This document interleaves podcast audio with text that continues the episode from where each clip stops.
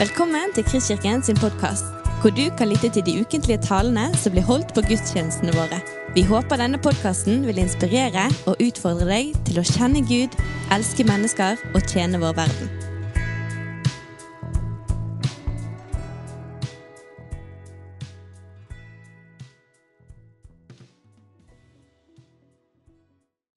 Utrolig gøy å få lov til å være her. Um, er ikke, nå er det ikke sånn hverdagskost at jeg er her. Um, etter Joar Helgaas, sønn av uh, Einar og Ødhild og uh, sønn i Kristkirken. Um, og jeg har vært på DTS det siste halvåret, så jeg har ikke vært der det siste halvåret. Så det er liksom godt å komme tilbake igjen. Fikk lov til å dele litt rett før jeg dro, og nå er jeg liksom klar for å dele litt hva Gud har gjort i livet mitt det siste halvåret. Så det, det blir veldig gøy. Så gjør dere klare, dette blir gøy. Men så vil jeg òg bare advare dere at det kan hende at det kommer til å stikke litt i dag. Til å, jeg kommer til å kjøre på. Men Gud gjør ofte det. Og da må vi bare være klar. Så nå har du to, to alternativ. Enten ydmyke ditt hjerte og ta imot, eller gå herifra uten å få noe ut av det. Så da er advarelsen gitt. Men jeg tror hvis dere tar imot, så blir dette mye gøyere og, og bedre for oss alle. Og det bibelverset, eller bibelteksten jeg skal dele ut fra i dag, det er andre krønikebok 7, 14-16. Jeg tenkte at vi skulle bare begynne å lese det, lese, det, sammen. Hvis du har en bibel, så er det bare å slå opp i den, og så kommer du òg opp på skjermen. Um, men før vi gjør det, så har jeg lyst til å dele litt konteksten. Hva er det egentlig som skjer før teksten? Um, og det som skjer før, er at nå er den elleve års lange prosessen med å bygge opp tempelet endelig ferdig. Det er liksom det vakreste bygget som fins i hele verden. De brukte elleve år, sedler fra Libanon og alt mulig. Og nå er det full fest. Hele Israel er samlet i Jerusalems gater. Det er stappfullt. Tenk hvor alle de luktene, alle lydene Det er bare helt crazy bananas. Og det ofres tusener på tusener på tusener av geiter og kyr og alt sammen for å gi ære til Gud. da. Og det er bare fullt baluba, rett og slett. Og så Se for dere den elektriske stemningen når de da uh, synger ut 'Evig varer Hans miskunn'. Og idet de um, synger dette ut til Gud, så blir tempelet fylt opp av en sky av Guds herlighet. Og Salomo han står framfor hele forsamlingen. Bare se for dere stappfulle gater. Og så ber han for dem og velsigner dem. Og når han er ferdig, så kommer det en ild fyker ned fra himmelen og fortærer offeret. For det er Guds kraft og det er Guds hellighet vi har å snakke med. Og så Etter en, en, uke med fest så drar alle sammen hjem. og Se for dere den elektriske stemningen. For bare sånn, husker du, altså, Det var helt sykt når det skjedde. Hvem, hvem er egentlig Gud? Og så De som har tvilt mye, de som ikke har en så nær relasjon til Gud, de blir sånn, oi, heina, de begynner sikkert å skjelve i buksene. Mens de som virkelig har ventet på dette lenge, de blir sånn Yes, jeg visste han kunne det. Og Se for dere Salomo, da har brukt så mye tid, penger og krefter for, for, for å få dette tempelet i gang, for å ære Gud. Men han, han anerkjenner at ja, men, altså Nå har jeg brukt lang tid på dette, men himlene og galaksene kan ikke engang romme vår Gud. Så hvor, hvor mye mindre kanskje dette huset her? Og Så legger han seg til å sove, og så møter Gud han i en drøm. Og så er det dette Gud sier, at hvis, eller egentlig mer når, ulykker og eh, dumme ting skjer med Israel Hvis dere gjør dette her, så skal jeg lege landet. Og da kommer teksten. Hvis da dette folket, som mitt navn er nevnt over, ydmyker seg og ber, søker meg og vender seg bort fra sine onde veier, skal jeg høre dem fra himmelen, tilgi dem syndene og lege landet. Nå vil jeg holde øynene åpne og ørene vendt mot hver bønn som stiger opp fra dette stedet. Jeg har utvalgt og helliget dette huset for at mitt navn skal være der til evig tid. Mine øyne og mitt hjerte skal alltid være vendt mot det. Og det vi leser her, er basically en oppskrift på å leve et liv i hellighet og leve et liv i vekkelse med fire punkt som, eh, som, Gud trekker fram. Det er ydmykelse, det er bønn, og det er å søke Han, og det er omvendelse. Og vi skal, nå De neste minuttene så skal vi dykke litt ned i hver av disse fire. Men først så trenger jeg å be litt mer. Så engasjer hjertene deres. og ta imot på når jeg vet at Gud har lyst til å gi noe til hver enkelt av dere, og denne talen gjelder oss alle. Så ta imot.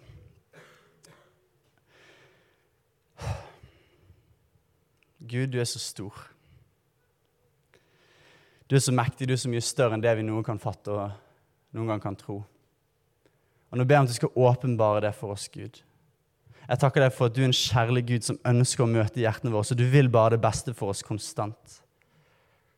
Så hjelp oss til å ta imot fra deg. Hjelp oss til å se hvor god du er, hvor, hva du vil gi oss.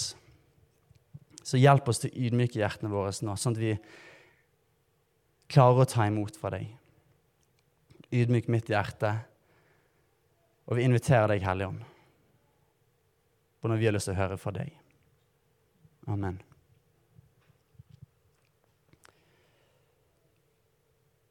Så det første steget til et liv i hellighet og et liv i vekkelse, som kommer fra sjefen sjøl, Gud, det er ydmykelse. Og det det innebærer, er at vi må anerkjenne og se hvor ufattelig stor Gud er, og hvor ufattelig små vi er i forhold til Han. Og så må vi erkjenne synd, så må vi erkjenne at vi trenger Han, og så må vi erkjenne at vi klarer ikke dette uten Han i det hele tatt. Og folkens, jeg tror altfor ofte så klarer jeg å begrense Gud og sette han inn i en liten boks, og så skjønner jeg ikke hvor enormt sterk, stor og kraftig han faktisk er. Altså, Bibels Gud folkens, er helt rå. Eh, jeg kan huske, Det er litt morsomt, da, men um, en av ukene på undervisning på Hawaii så var det han ene ganske rå type hadde undervisning, og så sa han at ofte har vi sånne eh, veggteppebilder av Jesus hvor han sitter der på gressengen med ekorn og masse sauer, og så er liksom på en måte squirrel, squirrel master Jesus Christ, altså ekornmesteren. da. Men så sa han We gotta kill squirrel master Jesus Christ. Og Nå skal vi lese noen bibelvers som gjør sånn at vi kanskje ikke bare tenker på ekorn. Det første er Johannes' åpenbaring 4.2-6, hvis det kommer opp. Og dette er Johannes som får liksom en, et lite innblikk i tronerommet og hvordan Gud egentlig er. I det samme kom ånden over meg, og se, i himmelen sto det en trone. Og det satt en på tronen. Han som satt der, så ut som jaspis og karneol. Og tronen var omgitt av en regnbue. Den var som smaragd. Omkring tronen så jeg 24 eldste kledd i hvite klær, med seierskranser på hodet. Fra tronen gikk det drønn av tordenbrak, og foran det flammet syv fakler. Det er Guds syv ånder. Framfor tronen var det som et glasshav, lik krystallen. Og Når vi leser dette, her, så er det første vi tenker er, hva i alle dager? Dette klarer ikke jeg å se for meg. Men la, la oss prøve å se det litt foran oss. Du kommer inn i et, annet, jeg vet ikke, et heftig rom. Og det er en trone som lyser. Det kommer torn og lyn ut fra denne tronen. Det er en eller annen smaragdregnbue over, og du bare tenker heiende. Og så er det et hav av krystall. Og jeg tipper dette er bare Johannes. Bare, han skjønte egentlig ingenting. Han måtte bare prøve å få satt litt ord på det. Så herlig, så fantastisk, så mektig er Gud. Og når vi leser dette, så skjønner vi det er ikke en pusete Gud vi har med å gjøre. Det er en mektig Gud. Det er en kraftig Gud. Det er en hellig og ren Gud. Og Gud leker ikke Gud. Han er det. Uansett om du vil det eller ei. Og når han viser seg første gangen for Moses, så er det en ild i en busk. Altså, Gud er som en fortærende ild, bare at han valgte å ikke fortære busken denne gangen. Og så skal vi lese en bibeltekst til eh, fra 2. Mosebok 19, 16 eh, til 19, hvor vi får se når Gud kommer ned på Sinai-fjellet. Og hvordan er det Gud viser seg da? Da det ble morgen den tredje dagen, tok det til å tordne og lyne. En tung sky la seg over fjellet, og det gjallet høyt fra bukkehorn. Alt folket i leiren skalv av redsel. Du ser liksom bare et fjell riste, og du bare står liksom bare sånn Å, heierne. Men Moses førte folket ut av leiren for å møte Gud, og de stilte seg ved foten av fjellet. Hele Sinai-fjellet sto i røyk fordi Herren hadde steget ned um, på det i ild. Røyken steg opp som røyken av en smelteovn, og hele fjellet skalv. Lyden av bukkehorn ble sterkere og sterkere, og Moses snakket, og Gud svarte med høy røst.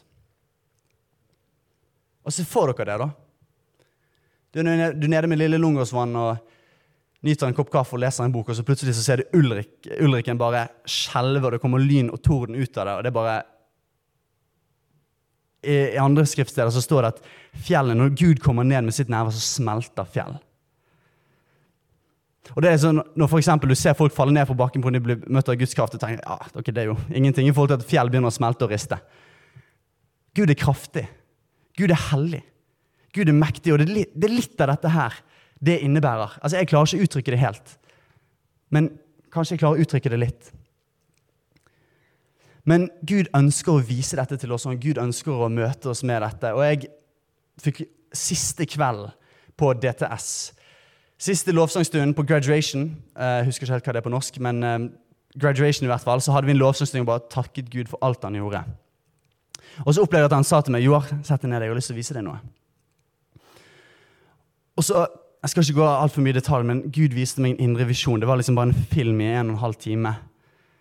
Og En av hovedtingene som skjedde i denne indre visjonen, var at jeg så hans storhet. Og han var så stor og sterk. Og både i visjonen, men òg i den fysiske verden, så endte jeg opp med å bare måtte Det eneste jeg kunne gjøre, var å ligge i fosterstilling. Og jeg grein og hulkgrein og hyperventilerte på henne. Liksom bare sånn Han er så hellig. Han er så mektig. Det er den guden vi har med å gjøre. Og da, En eneste naturlig respons vi kan gjøre, det er å ydmyke oss og anerkjenne hei, jeg er liten. Jeg er kanskje flink på det og det, men det er ingenting. og Jeg har uansett fått det fra Gud, så hva kan jeg skryte av?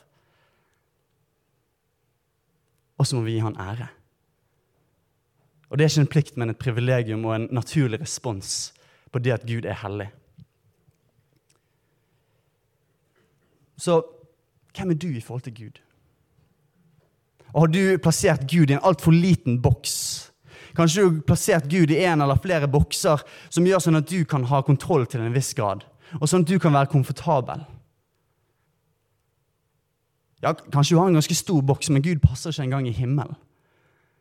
Så da kan du bare kaste de boksene og anerkjenne og la Gud være Gud sånn som han faktisk er.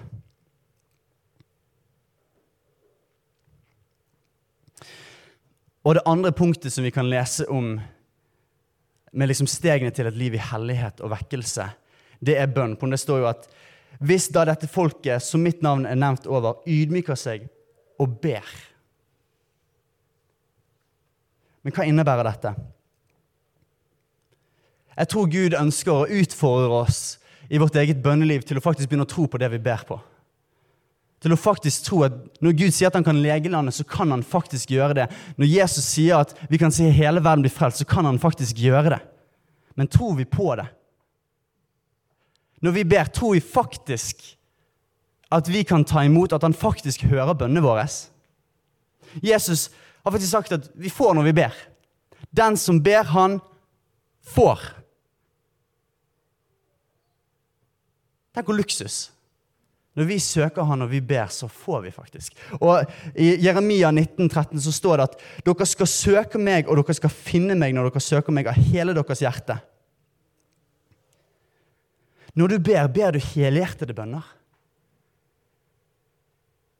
Og Jeg kjenner at jeg i det siste så begynte å få mer og mer ærefrykt for hvilken gud jeg har med å gjøre i mitt eget bønneliv.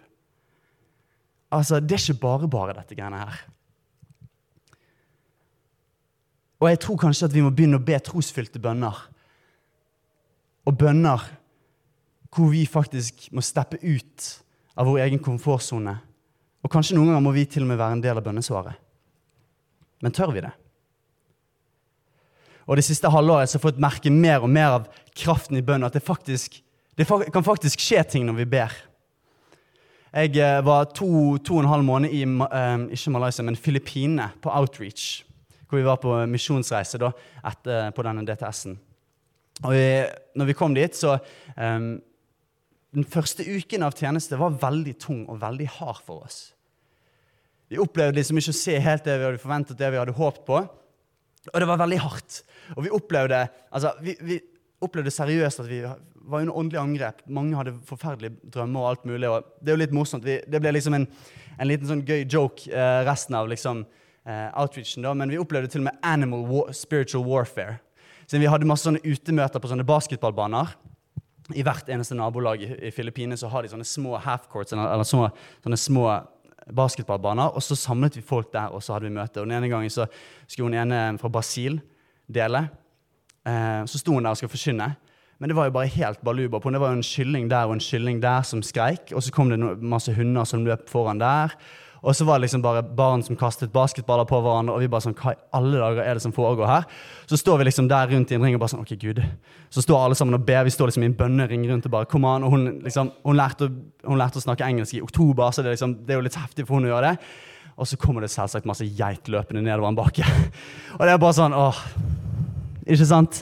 Um, så da kom det masse geit, og de løp jo liksom rundt. Og kom liksom eierne bare, nei, nei, nei, nei, nei, Så kom liksom geitene fram og skulle liksom forstyrre. Og vi bare sånn, hva i alle dager? Så vi skjønte at ok, her er det et eller annet som skjer. Vi må begynne å be mer. Så vi avlyste noen dager med tjeneste for å gi dette til Gud og be og kjempe i bønn. Og etter det, da skjedde det. Eh, på det ene utemøtet så fikk jeg bed for en eh, gravid dame som hadde hatt skikkelig eh, ryggsmerter. Og når jeg ba for henne etterpå, så sa hun at det brant. Det var akkurat som det brant i ryggen hennes. Og all smerten forsvant. Og akkurat som vi leste, Gud er som en fortærende ild. Gud møter med ild. Og hun kjente det i ryggen. En annen gang så, Vi var i en kirke som het The Valley, og det var så herlig. På liksom Over scenen så sto det sånn We welcome you with love, acceptance and forgiveness. Det var liksom Hver gang noen, noen nye kom, så var det sånn, sto pastorene And we welcome you, og hele forsamlingen with love, acceptance and forgiveness. Um, veldig herlig kirke, og liksom Gud gjorde mye der. og jeg kan huske spesielt en gang det var en Under lovsangen, så, eh, eller under bønnestunden etterpå, så var det en som ble bedt for. Og så kjente vi liksom trykket på Den hellige ånd. Så var liksom Pastoren ba for den ene, og så var det en fyr som skulle ta imot da, tilfelle den personen ble møtt av Guds kraft. Så jeg kan huske han sto liksom sånn her bak og liksom bare gjorde seg klar for å liksom ta imot da, hvis, hvis, Guds kraft kom. Og En gang så gjorde det faktisk med en kvinne som ble bedt for av den ene jenten på teamet vårt. Og Hun falt om, og vi bare sånn Halleluja, kom an. Og i etter, ettertid så fikk vi høre at den kvinnen hadde hatt en svulst, en svær svulst i magen. Og etter den dagen så hadde hun ikke det lenger. Det er vår Gud. Det er vår Gud, men det stopper ikke der. Nå skal vi snart få se en video. Men vi hadde òg eh, møter noen ganger som måtte vi ha det midt ute i gaten. Så vi, sa, vi la liksom ned noen presenninger, tusenvis av barn cirka, eh, som satte seg ned der. Og så hadde vi utemøter og danset og kjør, kjørte på og forkynte evangeliet. Og etterpå så ba vi for dem. Og da var det to eh, jenter i teamet vårt som ba for en eldre dame som var lam i begge beina, som het Elisabeth. Eh, og etter at de ba, så var det et eller annet som skjedde, og det kan vi få se på nå. God bless you. Jeg tror det var litt sånn det var når Jesus var der på jorden. Og han kaller oss faktisk til å gjøre de samme tingene og enda større ting. Og vi fikk se sånne ting. At Gud, han er kraftfull, og han kan gjøre store ting. Og det kan skje i Norge òg. Det kan skje i Norge òg. Definitivt. Hvis han gjør det der i 2022, så kan han gjøre det her i 2022.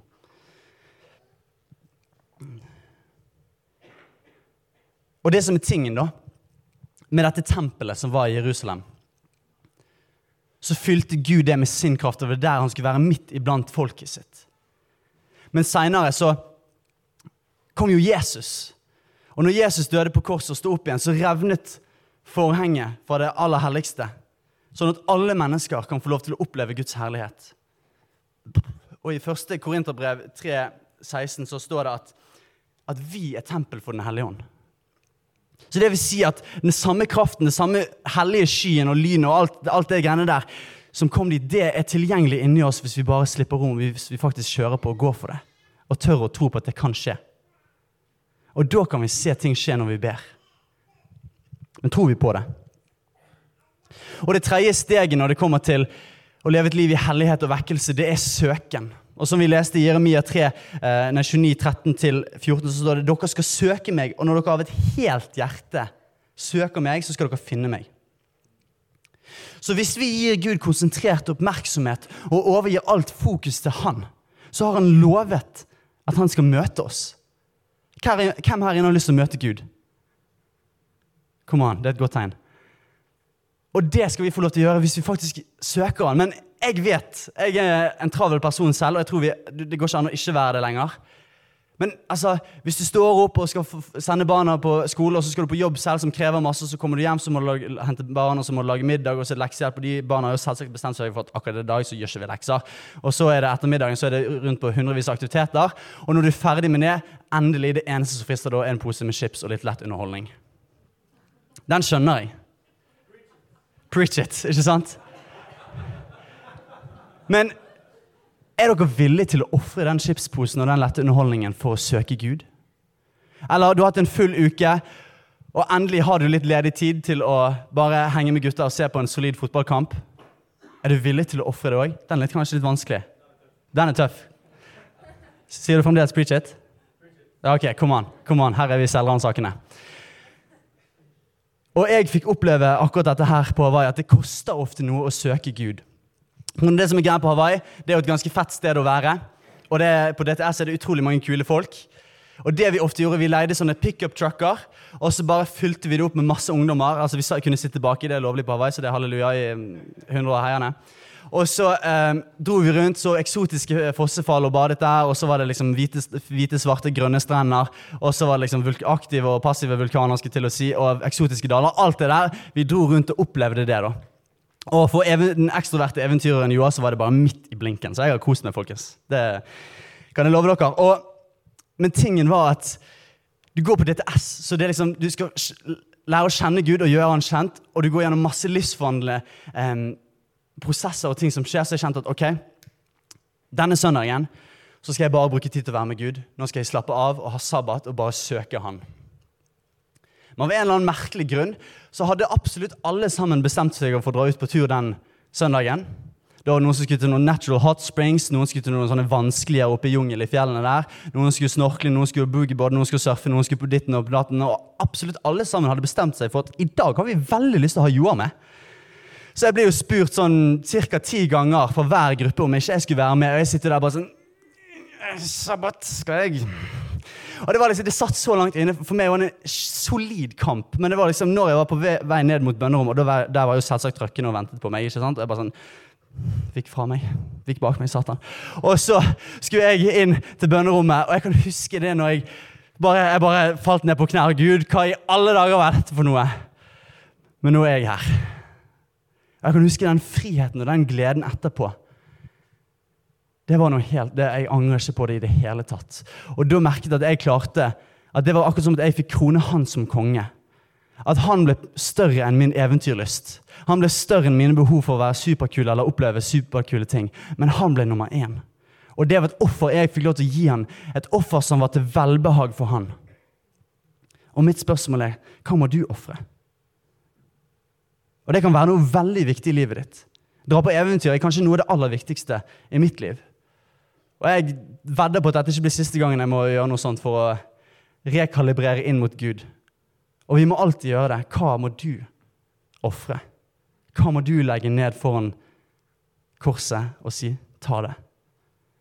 Og det som skjer etter du har gitt det til han, er at det blir bare mye bedre. Da er det mye lettere å nyte det etterpå.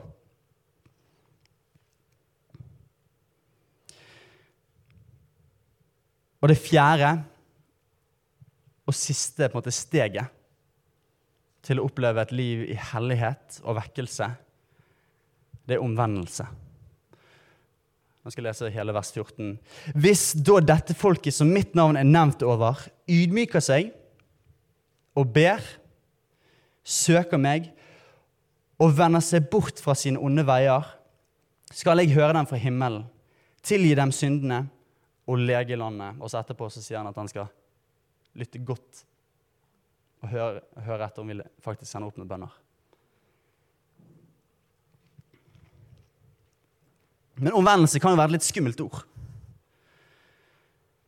Å nei! Repent! Tenker jo ofte bare sånn Å, hei, Janne. Men for at vi skal få oppleve vekkelse, så må vi kvitte oss med alt det som hindrer det. Og det som skiller oss fra Gud, det som hindrer oss fra å oppleve vekkelse, det er synd. Og synd kan se så mangt ut. og når vi vender oss vekk fra det, så får vi oppleve et liv i hellighet. Og I 3. Mosebok 19,2 så sier Gud at dere er kalt til å være hellige, sånn som jeg er hellig. Vi er, faktisk, vi er faktisk kalt til å være som Gud. og da tenker jeg bare, Det er jo helt umulig. Men han har gitt oss utstyr, han har gitt oss Den hellige ånd. Og Jesus sto fra de døde for søren. For at vi skal få lov til å oppleve det, at vi skal kunne gå i det. Men hva er egentlig hellighet? Det er først å se hvor fantastisk og hellig og perfekt han er.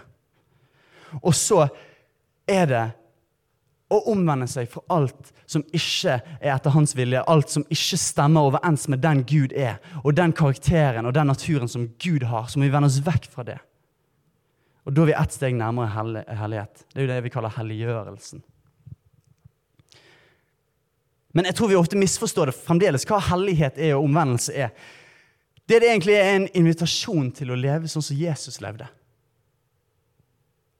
I Nytestamentet sier jo Paulus hele tiden 'til de hellige'. Vi trenger, altså, måte, vi trenger ikke ha noen helgener. Vi er alle kalt til å være hellige. Og hellighet fjerner hindrene mellom oss og dypere intimitet med Gud. Hellighet er å få se mer av Han. Og vi oppnår mer hellighet når vi ser på Han og bare går for det. Og hellighet Omvendelse er basically bare å nyte Gud. Jeg kan huske jeg leste en bok en gang, jeg husker ikke helt hvilken, men det var en svær konferanse hvor masse smarte folk, teologer og alt mulig, skulle finne ut ja, okay, hva er egentlig meningen med livet. Hva er det egentlig vi er kalt til å gjøre? Hvorfor er vi egentlig her? Og En av hovedpunktene i det som de kom fram til, var at vi skal få nyte Gud. Vi skal få nyte Han. Akkurat sånn som jeg nyter en skikkelig Oreo-milkshake, så skal vi få lov til å nyte Gud. Han er fantastisk. Han er amazing. Og når vi først får smake hvor fantastisk god Gud er, og det er bedre enn Oreo-milkshake, for å si det sånn, så er det sånn Da er ikke husholdningssaft så attraktivt lenger. For når vi har smakt noe bedre Vi har smakt noe bedre og jeg tror det er det Vi må gjøre. Vi må vende blikket mot Gud på når vi ser hvor fantastisk han er. Så vil ikke ting som er destruktivt for oss, som drar oss vekk fra han, som bryter oss ned, som basically er synd, det, det vil ikke være attraktivt lenger. Du vil bare Ja, men jeg vil bare Gud. Og når vi vender oss vekk fra det, og det kan være usunne vaner Det kan være, det kan være så mangt. Jeg vet ikke hva du går gjennom. Eller hva som, det, det kan til og med være ting som er på vei mot å bli synd. Det er ikke alltid ting begynner i utgangspunktet som synd. Jeg bruker alltid dette, dette som måtte, bilde på det. Ikke at altfor mange sliter med det her, kanskje, men, men, gaming er ikke synd i seg selv. Men hvis det tar helt overhånd, så kan det bli synd. Og sånn er det med så mye. Det begynner ikke nødvendigvis sånn, men det kan ende opp som det. Og ting kan ende opp med å bli større enn Gud. At vi til og med som moderne mennesker kan oppleve at vi skaper oss noen avguder. Og jeg tror kanskje denne eventyrlysten hos Joar Helgaas kan bli litt stor innimellom. Når vi skulle på outreach, så skulle vi egentlig originalt til Mongolia. Og jeg tenkte bare Come on, halleluja. Nå skal vi ri på hesteryggen i dagevis oppe i vill eh, mongolsk natur. Bo med nomadefolk, fortelle om Jesus og gi din bil, bare si halleluja, Herre Jesus. Og så gå, oppleve enda mer kule ting, kanskje stikke ned til Gobiørken. Og jeg har liksom alle disse planene klare i hodet. Og så en uke før vi skulle på outreach, så fant vi ut nei, vi skal ikke til Mongolia. Pga. visum ble umulig, og flybillettene ble opp mot en halv million. Og da tok vi det som en lukket dør. Um, og så Dagen etterpå så fikk, jeg, fikk, vi vite vi skal til Polen og hjelpe ukrainske flyktninger. Og det er jo veldig bra, men jeg kjente bare Kom an igjen, da. Nå har jeg brukt så mye penger og tid på å liksom tenke, nå skal jeg endelig få oppleve det eventyret på Outreach. og alt det der, og så skal jeg til Polen. Og jeg har jo til og med vært der før. Ah, Gud, altså Albania, for eksempel. Jeg har ikke vært der. Um, men så opplevde jeg at Gud virkelig bare spurte meg jo, men hva er det som er viktigst for deg. Er det å være lydig? Er det å følge meg? Eller er det, er det å tilfredsstille meg eller din egen eventyrlyst? Og etter eh, et par liter med tårer så bare kjente jeg ok, Gud, jeg gir det til deg. Send meg hvor som helst, til og med Sverige. Og en av de mest frigjørende bønnene jeg har bedt noen gang. På når da var jeg klar. Gud, send meg hvor som helst. Og så fire dager før så gikk ikke det heller på noe visum og boplass. og alt mulig, Så det ble Filippinene. Halleluja. Og da ble det eventyr allikevel. Um, så jeg har lyst til å spørre deg, på hvilke områder i livet ditt er det du har gått på kompromiss? Hvilke områder i livet ditt har du sagt et lite ja til noe og lukket opp en liten dør? Og så har det kommet mer inn etter det. Hvilke vaner er det du har i livet ditt som gjør deg mer lik verden enn Jesus? Og det er sikkert mange. Hva er det som gjør sånn at du blir formet mer lik ikke Gud enn Gud? Og hva er viktigere for deg enn Gud? Eller litt viktigere? Eller i nærheten? Ingenting skal være i nærheten av hvor viktig Gud er for oss. Og til slutt så har jeg lyst til å oppmuntre dere, siden Gud snakker om dette. Hvis vi gjør dette her, så har Gud lovet at han skal lege landet. Og det som er tingen med Gud, og det som er så fett, er at når han lover noe, så holder han sin del av løftet alltid. Men det skjer ikke før vi ikke har holdt vår del av løftet. Og En av de tingene Gud har gjort i livet mitt det siste halvåret, det er å vekke opp brannen min for Norge. Vekke opp brannen for, for å se at Gud kan gjøre noe. Gud har lyst til å gjøre store ting i Norge. Og Vi har til og med hele 40 norske ungdommer på DTS, på, på Fire and Fragrance der. Og jeg merket at Gud gjorde den i alle hjertene. Nå skal mange av de studere i Norge og kjøre på med Jesus der. Eller flere skal tilbake og være staff. Mange sånne ting. Men Gud gjorde noe. Og så det Gud har gjort på The Send. Altså, Gud vekker opp når det er et eller annet som rører seg med bønnekjemper, som folk som har bedt i tiår for å se at Gud forløser noe. Og jeg tror at Gud sier 'se, jeg gjør noe nytt'. Gud har gjort noe før. Gud gjorde noe med Toronto-vekkelsen, på Hebridene, i Asusa Street og på pinsedag. Og han kan søren som jeg gjør det i Bergen i 2022 òg. Det er ingenting som stopper det. Og når jeg kommet tilbake til Norge nå, så har jeg blitt overrasket over å snakke med mange ungdommer som sier liksom, åh, jeg har lyst på mer av Gud. At det er mange som har en lengsel, og at det er mange som kjenner at å, jeg har bare en sånn lengsel etter å fortelle kollegaene mine på Rema 1000 om Jesus. Eller jeg har lyst til å vie hele livet mitt til misjon. Flere og flere sier det. Og Norge, På et tidspunkt så var Norge det landet i verden som sendte ut flest misjonærer per innbygger. Og det kan skje igjen, folkens. Men hvordan kan vi se vekkelse skjer. Og vekkelse er ikke bare at du får litt gåsehud, men at faktisk samfunnet blir forvandlet. Og hva skal til for å si? Jo, vi må ydmyke oss. Vi må be med tro om at han faktisk svarer, og at han kan gjøre ting. Og vi må be til vi får. Vi må ikke gi oss etter tre kjappe bønner og si halleluja. Vi må søke Han aktivt, og så må vi omvende oss. For når vi må fjerne det som skiller oss fra Gud, for at vi kan møte Gud.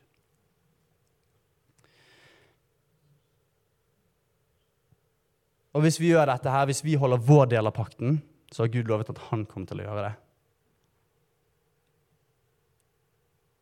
Så det jeg vil at vi skal gjøre nå, er at jeg er, jeg er lite fan av bare fine ord. Men jeg tror at, sånn som det står i Bibelen, at Guds rike består ikke bare i ord, men i kraft. Så det jeg vil at vi skal gjøre nå, er at vi alle sammen tar, vi tar litt tid i stillhet. Og så vil jeg at vi skal være litt selvransakende og spørre Gud. Og dette gjelder dere alle. Eller med oss alle. Meg òg. Hva er det som jeg har i mitt liv som jeg må vende meg vekk fra? Gud, hva er det du har lyst til å ta lys på, som kan hjelpe meg vekk fra det og gi meg frihet? Og så etterpå så har jeg lyst til at dere skal finne en løsning. Og det å bekjenne synd er så bibelsk. Om det er til noen av forbedrerne, eller til en ektemake, eller til en venn, eller Du finner ut av det. Men la oss bruke litt tid og ransake hjertene våre. Ok? Så vi tar litt tid til det. Du har lyttet til en podkast fra Kristkirken i Bergen. Vi håper du har blitt inspirert og utfordret i din vandring med Gud. Vil du vite mer om oss, så klikk deg inn på kristkirken.no.